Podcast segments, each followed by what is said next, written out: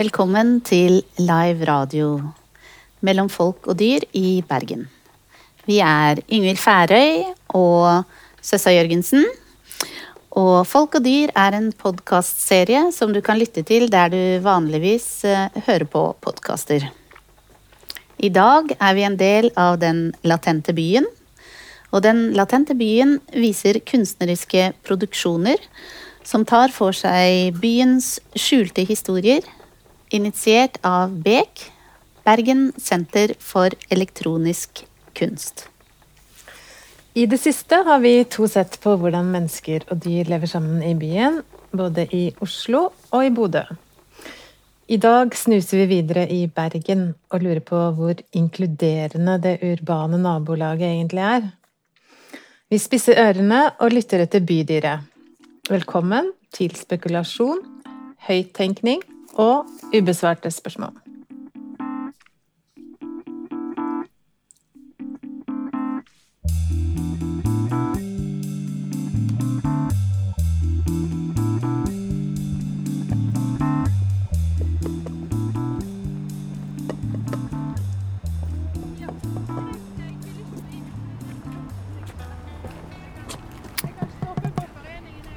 Nå vil vi ta deg med på en tur rundt i byen. Det er mars. Tidlig vår i byen. Endelig klart vær. Etter regnet og etter alle stormene som har rast på etter vinteren. Allerede titter påskeliljer opp i noen av blomsterbedene. Har du vært i byen? Den er fin. Minner kanskje litt grann om Venezia. Omgitt av vann på nesten alle kanter. Trange gater med begrenset framkommelighet. Og de mange turistene, de blide serviceinnstilte innbyggerne. En bevaringsverdig synkende verdensarv, bygd på rester av tidligere tider. Noen steder ser den til og med nesten gresk ut. Hvite hus ligger nedover åssidene. Men se der! Et rastløst dyr stikker snuten fram. Værer. Før den tuslespringer litt hit og dit. Hva er den på jakt etter? Halen er det siste som syns før den forsvinner innimellom parkblomstene. Så kommer den til syne igjen. Litt forvirret. Nei, nei, det er jo to under buskene. Eller er det fler? Hvor kommer de fra?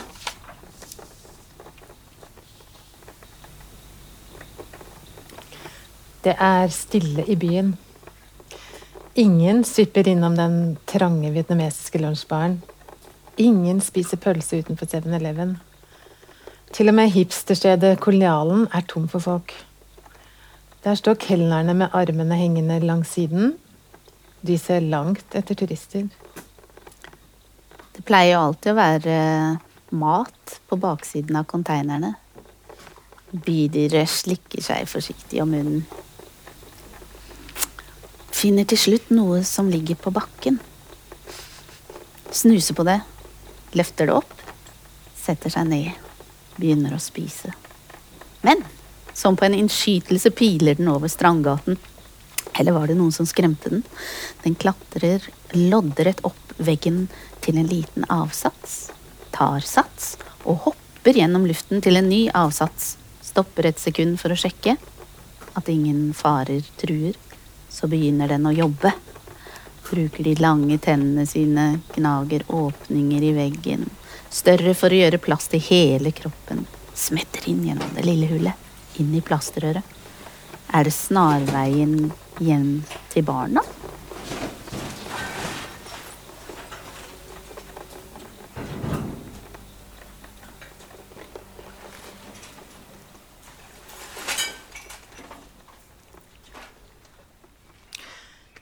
Er du av typen som trives best hjemme, eller elsker du å utforske verden?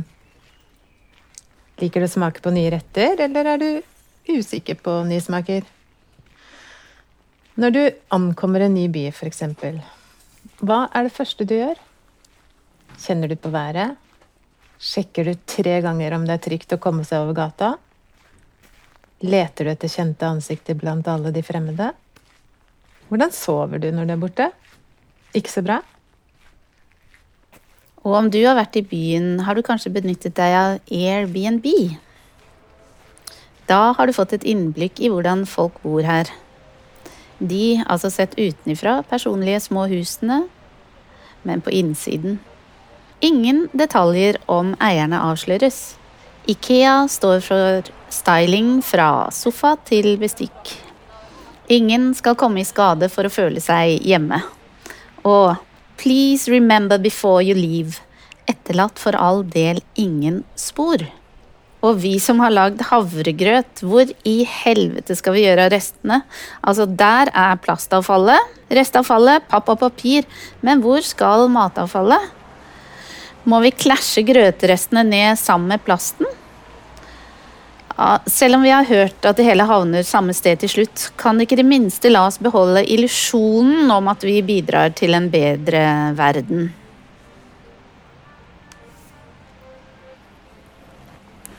Ok, The Underground Waste System. Nå skal jeg lese her. Jeg tar på meg brillene. One. Hold the key clip in front of the Åh, Nei, det er for små skrift. Det er for små skrift. Residual waste, paper and drink cartons, plastic packaging. Masse informasjon, da.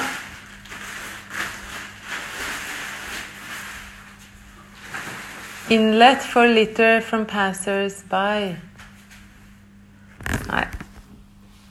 Det her tror jeg vi må bare ta på intuisjon.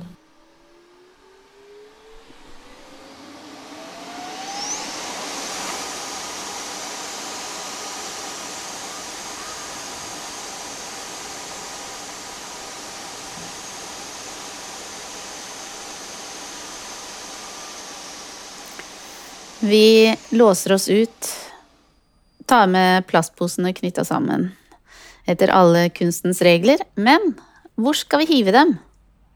Det er da vi oppdager det. Det store boss-suget.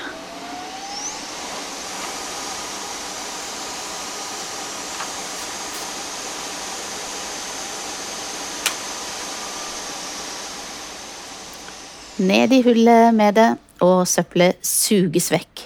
Farer av gårde der nede i bakken. Borte. Ute av syne. Under beina våre kan vi bare ane nettverket som brer seg ut under store deler av byen. Vi leser.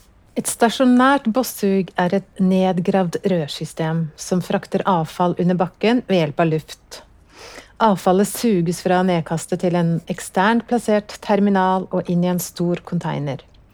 Ved tømming hentes konteineren og fraktes til anlegg for gjenvinning.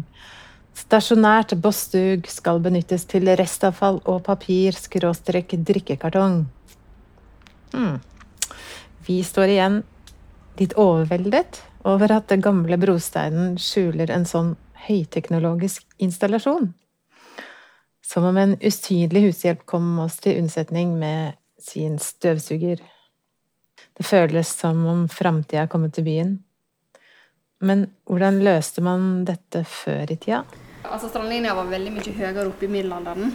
Og så har man da dytta den lenger og lenger ned, og da har man på en måte fylt på med egentlig da boster fra middelalderen, og så bygd oppå. Sånn at da er det jo ikke hardt og kompakt og, og sånn innom det. Og det er òg derfor gårdene på Bryggen ikke står helt støtt. Fordi at undergrunnen er ikke stødig. Det var et sjokk da den eldste delen av byen brant ned i 1955. Men ødeleggelsene gjorde at man kunne grave seg ned gjennom gulvrester.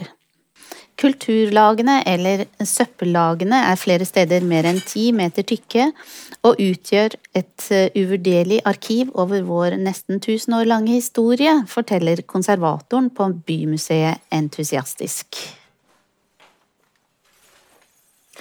Middelalderbyene lå nesten alltid på store søppelhauger av sammenklemte, knuste, i stykker gnagde gjenstander, slakteavfall og rester fra håndverksproduksjonen. Befolkningens avfall ble ikke fjernet fra byen, men la bare et lag med sand eller planker oppå søpla der folk beveget seg mest. Sånn utvidet byen seg. Avfallslagene av organisk materiale har blitt kompakte og lufttette, og dermed skapt svært gode bevaringsforhold.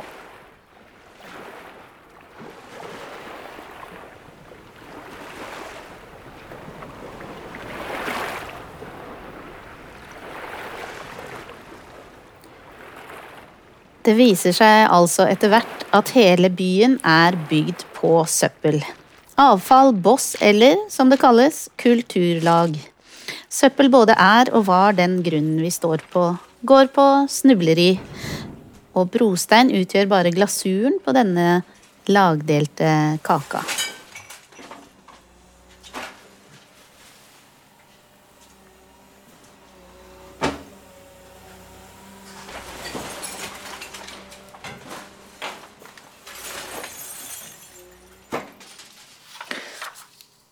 Så det er kanskje ikke så rart at byen har gjort avfallshåndtering til sitt varemerke. Byens interkommunale renovasjonsselskap, BIR, er først og størst i verden. Smilende, innovativt og renslig. Når bossbåndene fjernes, frigjør vi plass på gater og fortau. Vi slipper gapende spann og sjenerende lukt og ikke minst, antall skadedyr går ned. Vi leser videre at 2019 var et stort år for BIR. I tillegg til en omsetning på 543 millioner, slår de også rekorden for kundetilfredshet for syvende år på rad. På retur av Norges årskonferanse er det BIR som får innovasjonsprisen.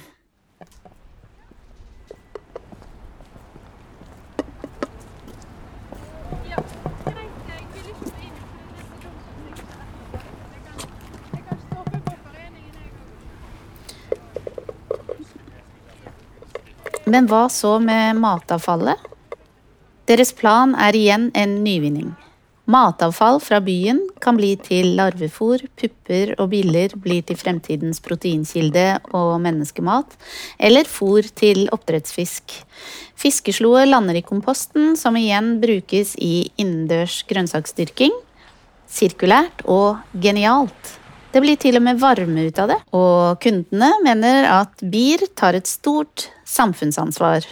Og BIR svarer med å ha som kjerneverdi å være superpålitelige innen avfallshåndtering.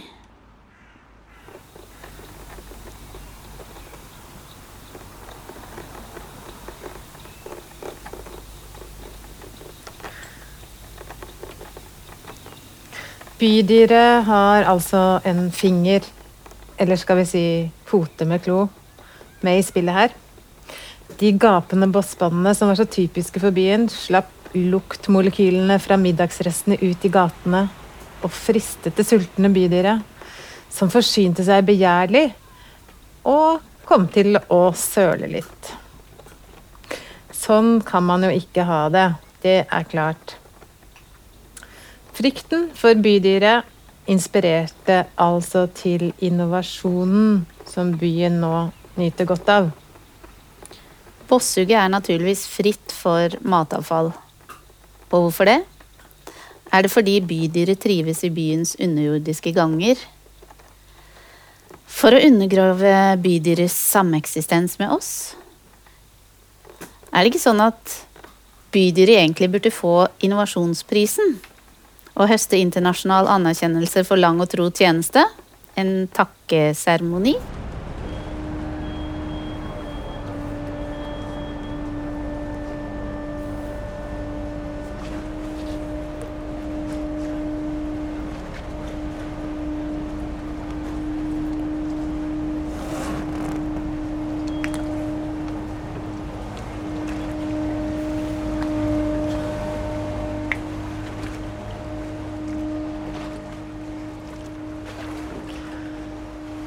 Men bydyret er uansett kjendis i byen. Det er ikke få overskrifter som har handlet om dens framganger. Trolig flere bydyr enn mennesker i byen. Nå vrimler det av dem i parkene. Over 32 000 av dem er drept i byen hittil i år. Det er mye, sier Anti-Cimex. Bæsj, tiss og dopapir er alt som skal i do, heter det i kommunen sin kampanje for bydyrbekjempelse. Putter du andre ting i do, kan rørene tette seg, og noen kan kose seg, skriver nesten kommunen videre på sin egen nettside. Er det rart at man trenger en solid og pålitelig avfallshåndtering?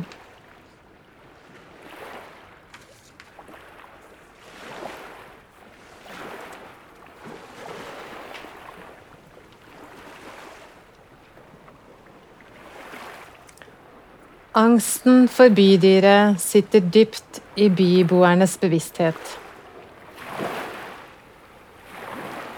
Igjen må vi gå tilbake til middelalderen.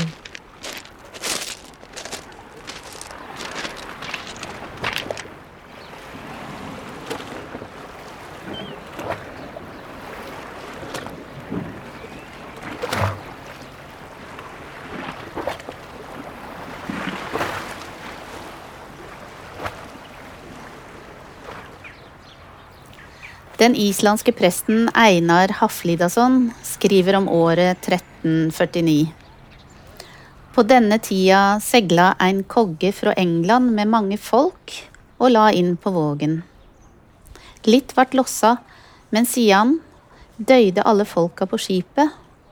Da lasta fra skipet kom opp i byen, byrja byfolka også å døy. Og smittebæreren var naturligvis koggens blindpassasjer.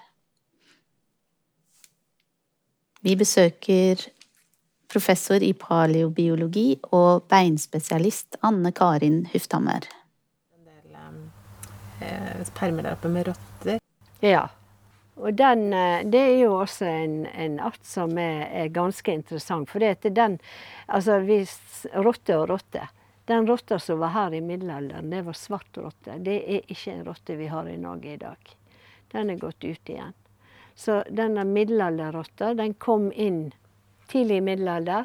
Nå har vi en ny undersøkelse fra Trondheim som tyder på at han faktisk kom inn seint i vikingtid.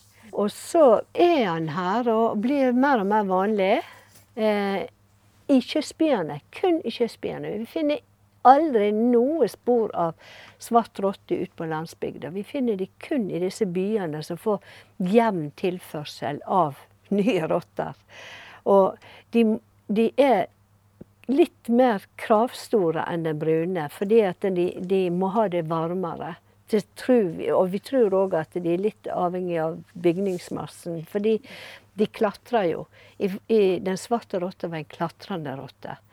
Mens den brune som vi har i dag, det er en gravende rotte. Den tåler vann. Sånn. Mens, den, mens den svarte er en klatrende rotte som holder seg oppe oppe i bygninger, klatre i trær. Men de klarte liksom aldri å spre seg. Og så ser vi at de blir gradvis mindre vanlige igjen. Og midt på 1700-tallet, da kommer den brune. Da er det første observasjoner av brunrotte i Norge. Men hva levde de svarte rottene av? Ja, De levde av avfall. Menneske, menneske. Men det er handelsbyer, de store handelsbyene våre middelalderbyen. Det er jo der de kommer. Men hvordan er det med Er det en myte at svartedauden kommer med rotte? Det, eller det mener jeg, og vi har, vi har jo gjort en undersøkelse på det. Og det mener vi fordi at vi finner ikke rotta spredd ute i landet. Men svartedauden spredde seg jo ute i landet. Så vi finner den svarte rotta i byene, og kun der.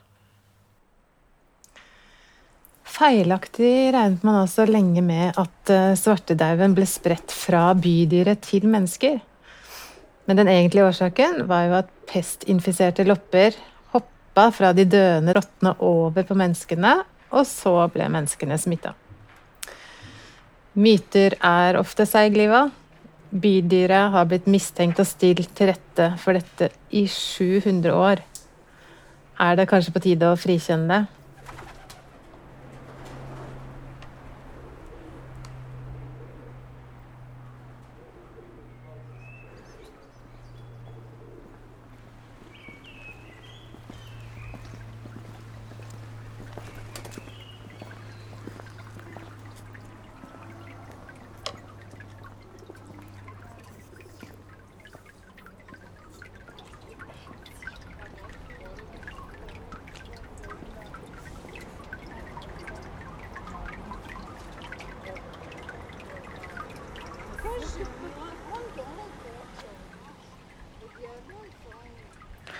Den 12. mars 2020. Byen ligger øde og forlatt. Frykten har lagt seg som et dempende teppe over byen. Til og med bossuget forholder seg avventende. Kun et lite bydyr forlater Slukøretorget, snuser bortom hjørnet på mathallen og forsvinner ned i et kumlokk. Hvor blir det av bydyret? Når folket uteblir, danser musene på bordet? Nei. Bydyret følger menneskene hjem. Helt hjem.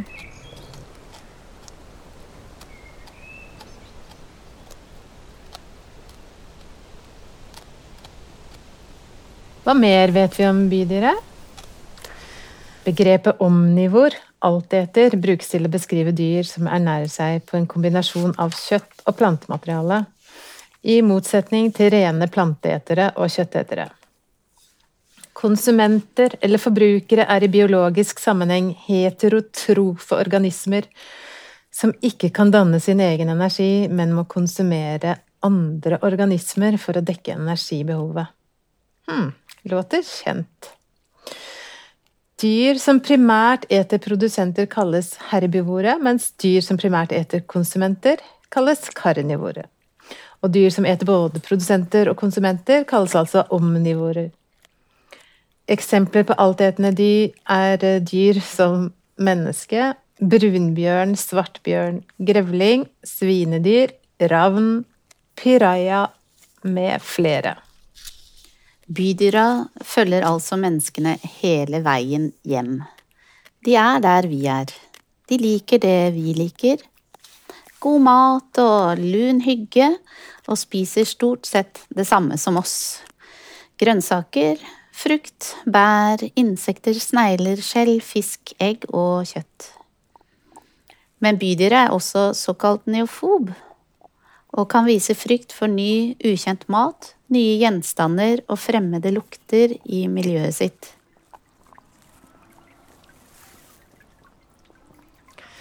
Bydyret er, kanskje nettopp derfor, lojale til nabolaget sitt. Går ofte ikke mer enn 12-15 meter fra boligen. Akkurat slik vi vil at gode hunder skal være. Hold deg på tomta, ikke stikk over til naboen. Ikke heng rundt på 7-Eleven nede på Torgallmenningen og tigge pølser. Men nå er bydyret tvunget på flukt. Mat må den jo ha. Og nå er den i tillegg fordrevet fra hjemmet. Det er altså en grunn til det om bydyret er ute i gatene. Og akkurat som oss bygger bydyret strukturer og nettverk. Gjerne egne strukturer i våre strukturer. Over, inni og under. River ned og bygger opp.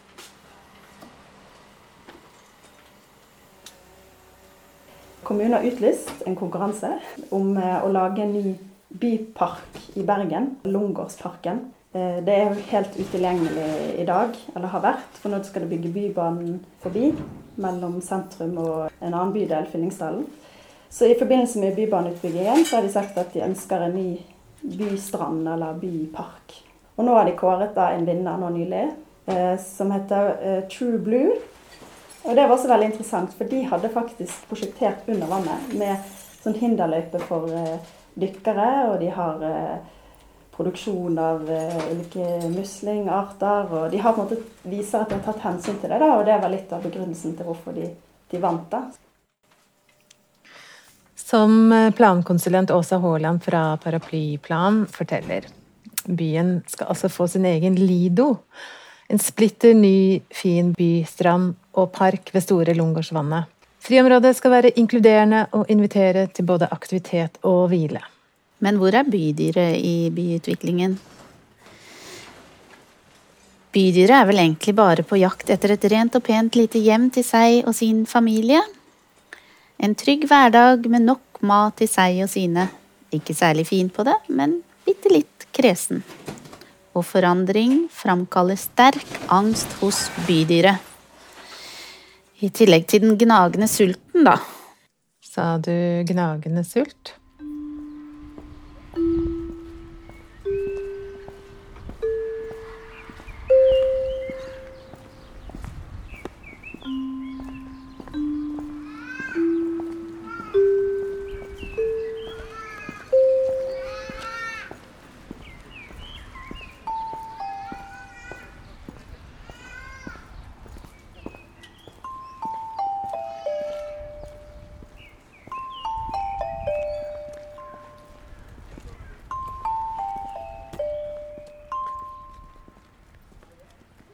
Hva skjer når menneskene lager en fin by med rekreasjonsmuligheter? Det blir rekreasjon for oss, men blir ikke noe ødelagt for dyr? Rotter kan også bli aggressive. Til og med angripe mennesker hvis de føler seg truet.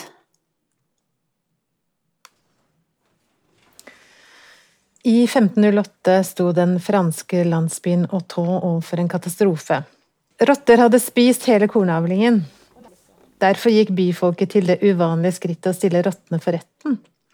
Ved biskopens domstol skulle landsbybeboerne framføre sine klager mot rottene.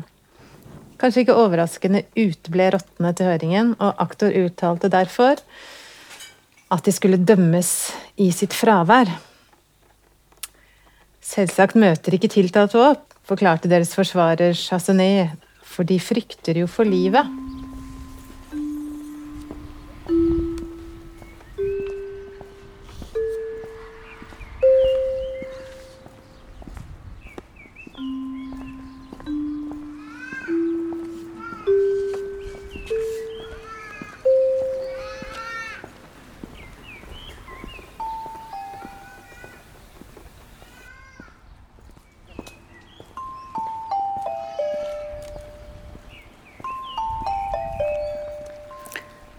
Var lovpålagt til å tilhøre en gård i middelalderen. Gården jeg bor på, eksisterte på den tida. Og livet her har kanskje ikke forandret seg så mye. Det er mus som kravler, tusler, tasler, romsterer i bjelkelaget, gnager i skapet. Ja, det er sjarmen ved å bo i gamle hus. Er det mus eller rotteunger i fòrbøtta? De er ikke redde, bare litt undrende. Hvorfor heller bøtta på skrå? Hvorfor skal vi ut av dette avgrensede paradiset? Lysegrønt og fullt av velsmakende fòrrester. Plutselig klatrer en mus oppover rørepinnen. Den kommer rett mot meg. Raskt viker jeg til siden. Så hopper den i en lang bue gjennom lufta og lander på gulvet og forsvinner inn bak en plankestabel. Destruktive, svarte tanker gnager i hodet som tennene til gnagerne som langsomt destruerer huset. Det høres ut som de sager. Jeg prøver å finne ut hva de ikke tåler. Noe som skremmer dem vekk. De liker visst ikke pepper, einer og peppermynte. Jeg strør pepper rundt hele huset.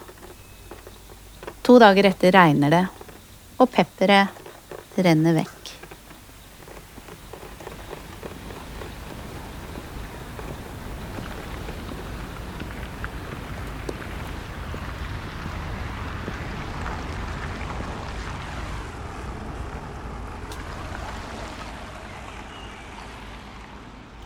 Er mennesket hundens beste venn?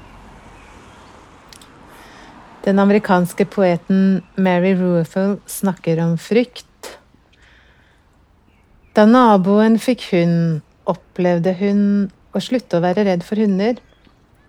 Det som skjedde, var at jeg observerte et annet levende vesen og ble brakt ut av meg selv. Min holdning til hunder forandret seg fordi jeg åpnet meg for deres opplevelse. Frykt er smertens spøkelse, sier hun. En forventning om smerte er mer smertefullt enn selve smerten. Dette materialet fra Bergen har eh, mestedelen av det ble samlet inn på 50-tallet. Og det var liksom pionerarbeid når det gjaldt byundersøkelser her i landet. Det er en Asbjørn Herteig som begynte Han, han begynte var, Ja, han var pioner.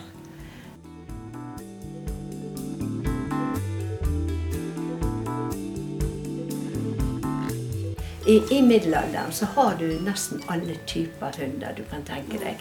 Du har store hunder, du har hunder som ser ut som uh, dyrehunder, eller, uh, eller uh, ja, ja, som elghund, f.eks. Eller buhund. Og du har buhunder, som de er jo noe mindre. Du, og du har de der bitte små som vi kaller knehunder. Eller i dag kaller vi væskehunder. Og de var jo veldig verdifulle. Altså I lovverket så, så er det jo eh, sagt at en sånn, for en sånn kan du kjøpe deg en slave. Altså Det tilsvarer verdien av en slave. Og det er lov, lovverket fra rundt 1300-tallet, på 1300-tallet. Eh, og det vi ser, er at alle disse her, enten de er store eller små, blir partert. Jeg vet ikke om de har spist de sjøl, eller de har brukt de til andre. Men jeg, jeg, jeg, tror jo at hun ble spist. Det er også en, en lov fra Danmark som, som sier at du har ikke lov å spise hund og katt før du har svelta en viss tid. Altså, det har nok skjedd, men det, det, er, det er ikke noe du skal gjøre sånn til morgen.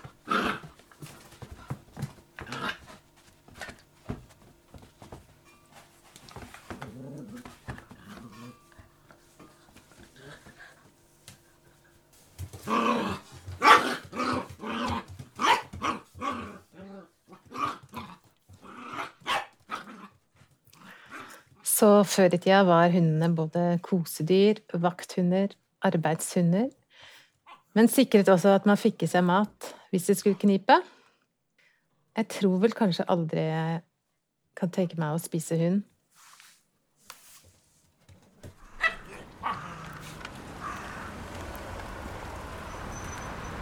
Hei, kan jeg spørre deg et spørsmål? Ja. Er det dine hunder? Det er mine, ja. Hva slags hunder er det? Det er maltesere. Ja. Og han er happy, og så er det vel Han er 13 år, og hun er 9 år. De er helt avhengige av hverandre. Ja. Så de er sammen eh, om dagen når du Eller? Ikke jeg hjemme, så er de sammen. Jeg så det var noen flere der borte. Ja, det? det er min bror sin. Ja. ja. Er de venner alle sammen? Ja, det er de venner alle sammen. For det er en jente også. Ja. Dette er jo gutter. Ja. Takk for det. Takk skal du ha. Ha det. Ha det.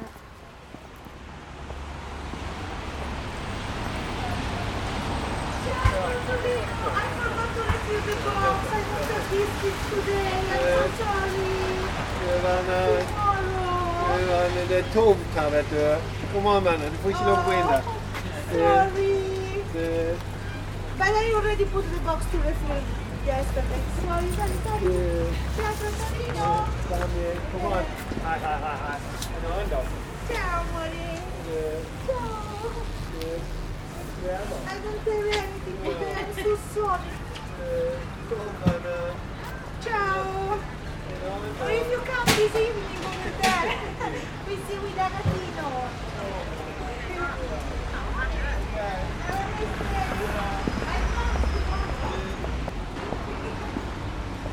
Hei. Jeg lurer på om jeg kan spørre deg om med hunden din? Ja, klart det. Ja. ja. Hva slags fin er det du? Dette er en bokser. Ja. Var han, var han her på og filma? Han blir tildelt litt sånn smågodiser når han passerer, passerer, bodene her. Så han er et velkjent innslag i, i, i bybildet generelt. Så du går alltid forbi her, du da? Stort sett. Ja. ja. Hvilken hund, da? Ja, han er veldig, veldig veldig fin. En veldig snill hund. Uh, han er elleve år gammel nå. Ja, så han uh, er en voksen, ordentlig rolig kar. Men veldig glad i mat. ja, for hun, har, hun, pleier å ha en liten boks med forskjellige sånne hundeting. Hundesnacks. Ah, ja. Ikke fisk, altså? Nei, ja, det har han òg fått av og til. han er veldig glad i fisk. Vi har fått et nytt familiemedlem. Hun heter Pila. Pila har brune mandelformede øyne og gråbrun pels. Hun har myk, lyserosa mage, en skikkelig rotteungemage. Pila er en av mange tusen rotteunger i De tusen hjem. Ja, folk skaffer seg rotteunger nå. nye firbente venner. Hjemløse rotter finner takknemlige eiere ved hjelp av omplassering for dyr. Pila spiser hestemøkk og graver opp tulipanløker, smaker på sopp, men mest av alt gnager hun. Hun gnager på alt. Tremøbler, bobleplast, ledninger, sko, klær og tidsskrifter, men også fingre, skjegg og legger. Jo da, hun tar et godt tak i leggen med skarpe, små tenner. Hver gang jeg skal klappe henne, blir en av fingrene mine hengende igjen i munnen hennes. Ufrivillig blir fingeren med inn i munnen. Der kjenner jeg at alle tennene ikke har kommet fram fra gommene ennå. Det sprenger vel litt der, da. Idet jeg tar til meg fingeren, napp! Tyngden av en rotteunge henger i ermet på genseren. Godt at det er den gamle arbeidsgenseren som allerede har rakna rundt håndleddene. Åh, hvordan var det å ikke bli avbrutt? Pila må ut ved det minste lille vink. Var det et eh, tissepip, eller var det bare lek? Litt verking i tennene? Katta og rotta ruller bortover gulvet. Jeg vet ikke hvem som ruller hvem. Et virvar av kattelabber, rottelabber, katteklør, rottetenner, piping, uling, hvesing. Rotta gir seg ikke. Drar katta bortover gulvet etter øra. Katta legger seg i rottekurven. Den murrer. En merkelig lyd jeg ikke har hørt før. Rotta lager lignende lyder, som går over i snerring til katten raskt, før rotta får fatt i halen dens, smygebykser seg ut av katteluka, og roen senker seg. Hvorfor vil så mange ha rotte for tida? Er det for ikke å være alene? For at barna skal bli vant med dyr? Og ha noen å kose med?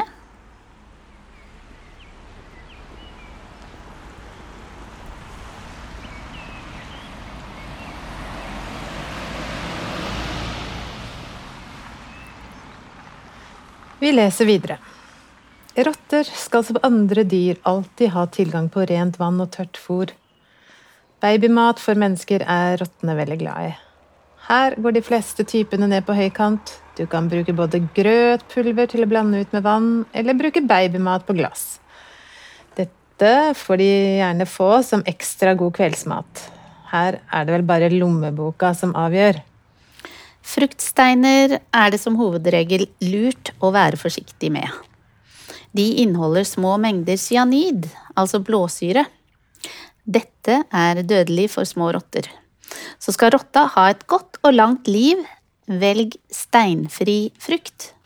Eller skjær bort eh, kjernen på epler, pærer osv.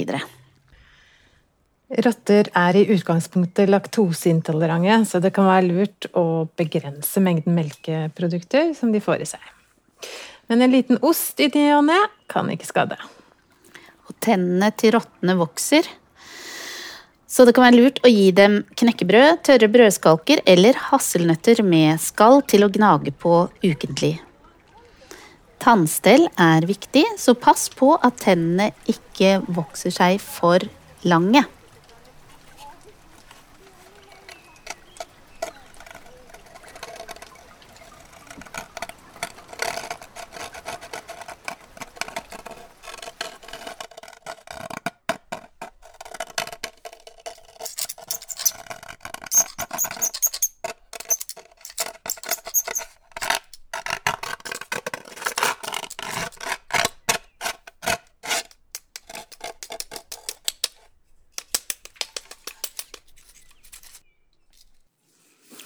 Rattus norvegicus, som er det latinske navnet på brunrotta som vi har her i landet nå for tida, kommer ikke fra Norge, selv om det kan høres sånn ut.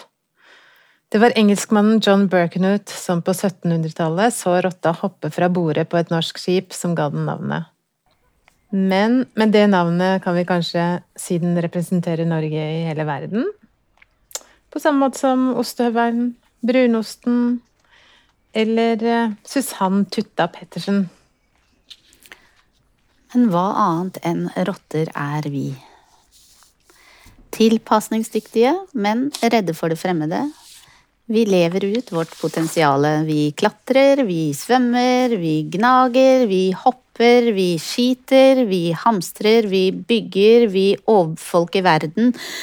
Vi sprer oss der vi kan komme til, vi ødelegger andres hus, og vi sprer smitte. Så hvem er det største skadedyret? Hva om eh, vi foreslår et samarbeid? Rotta rydder i menneskenes fotspor. Eller eh, rydder i våre avfallshauger, nesten som bosshuget. Til gjengjeld dropper vi rottefella.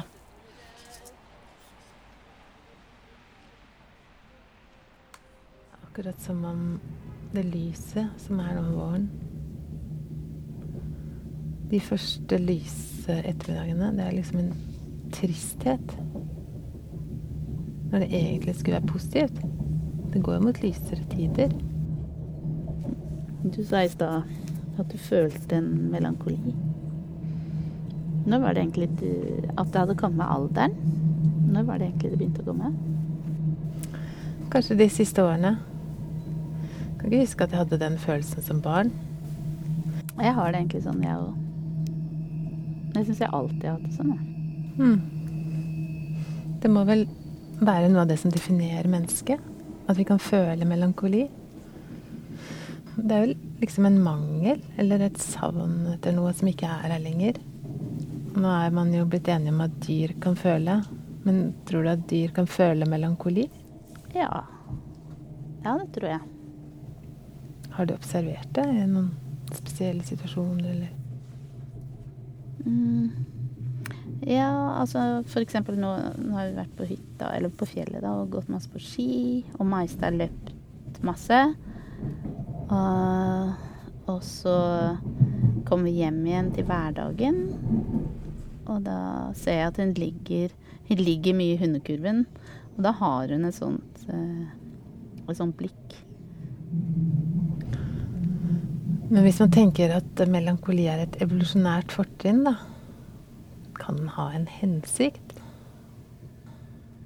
Jeg tenker at, eh, at eh, den følelsen ligger i naturen. Altså den er på en måte til stede i naturen. Men det er bare vi som på en måte menneskene som har gitt eh, navnet melankoli. Hmm. Hva mener du med at, den, at det ligger i naturen? Jeg tror at eh, ordet melankoli er liksom i veien for forståelsen av den tilstanden som, som er i naturen. Um, som f.eks. den tilstanden når naturen veksler fra en årstid til en annen. Hvor mange dyr er, er spesielt sårbare.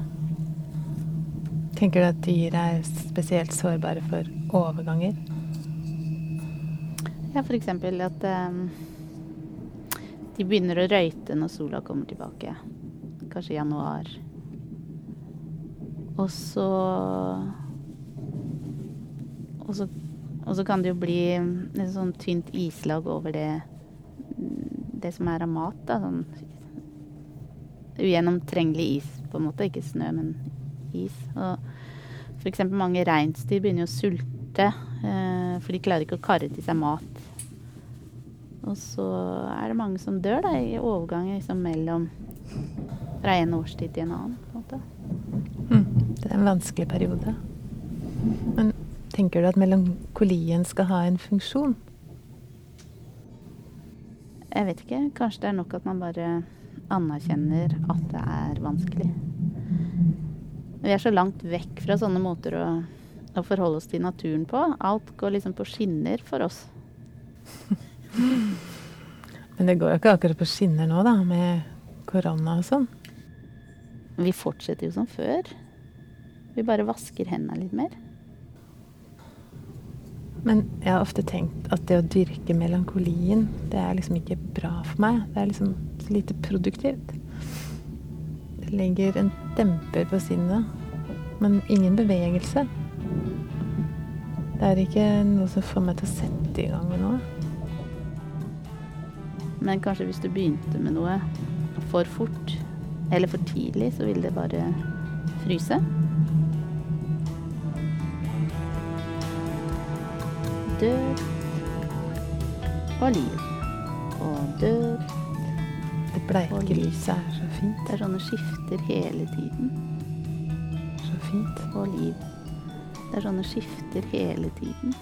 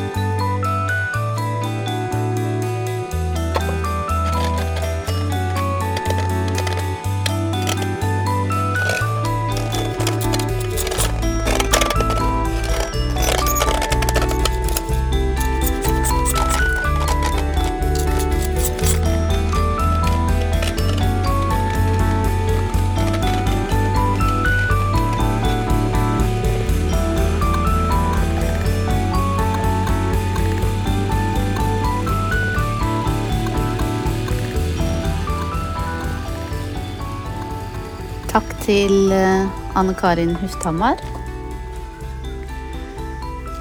Bek, Lars Ove og Åse. Og Johan Geir Maiste Mirja. Cato og Balint og Lea. Marte, Nina, Bergen museum, ellers ingen nevnt, ingen glemt. Jo da, vi må ha med BT, BA og hele det vidunderlige og sannferdige internettdyret. Denne sendinga er eh, dedikert til Tina, som forlot oss brått og uventa altfor tidlig denne uka.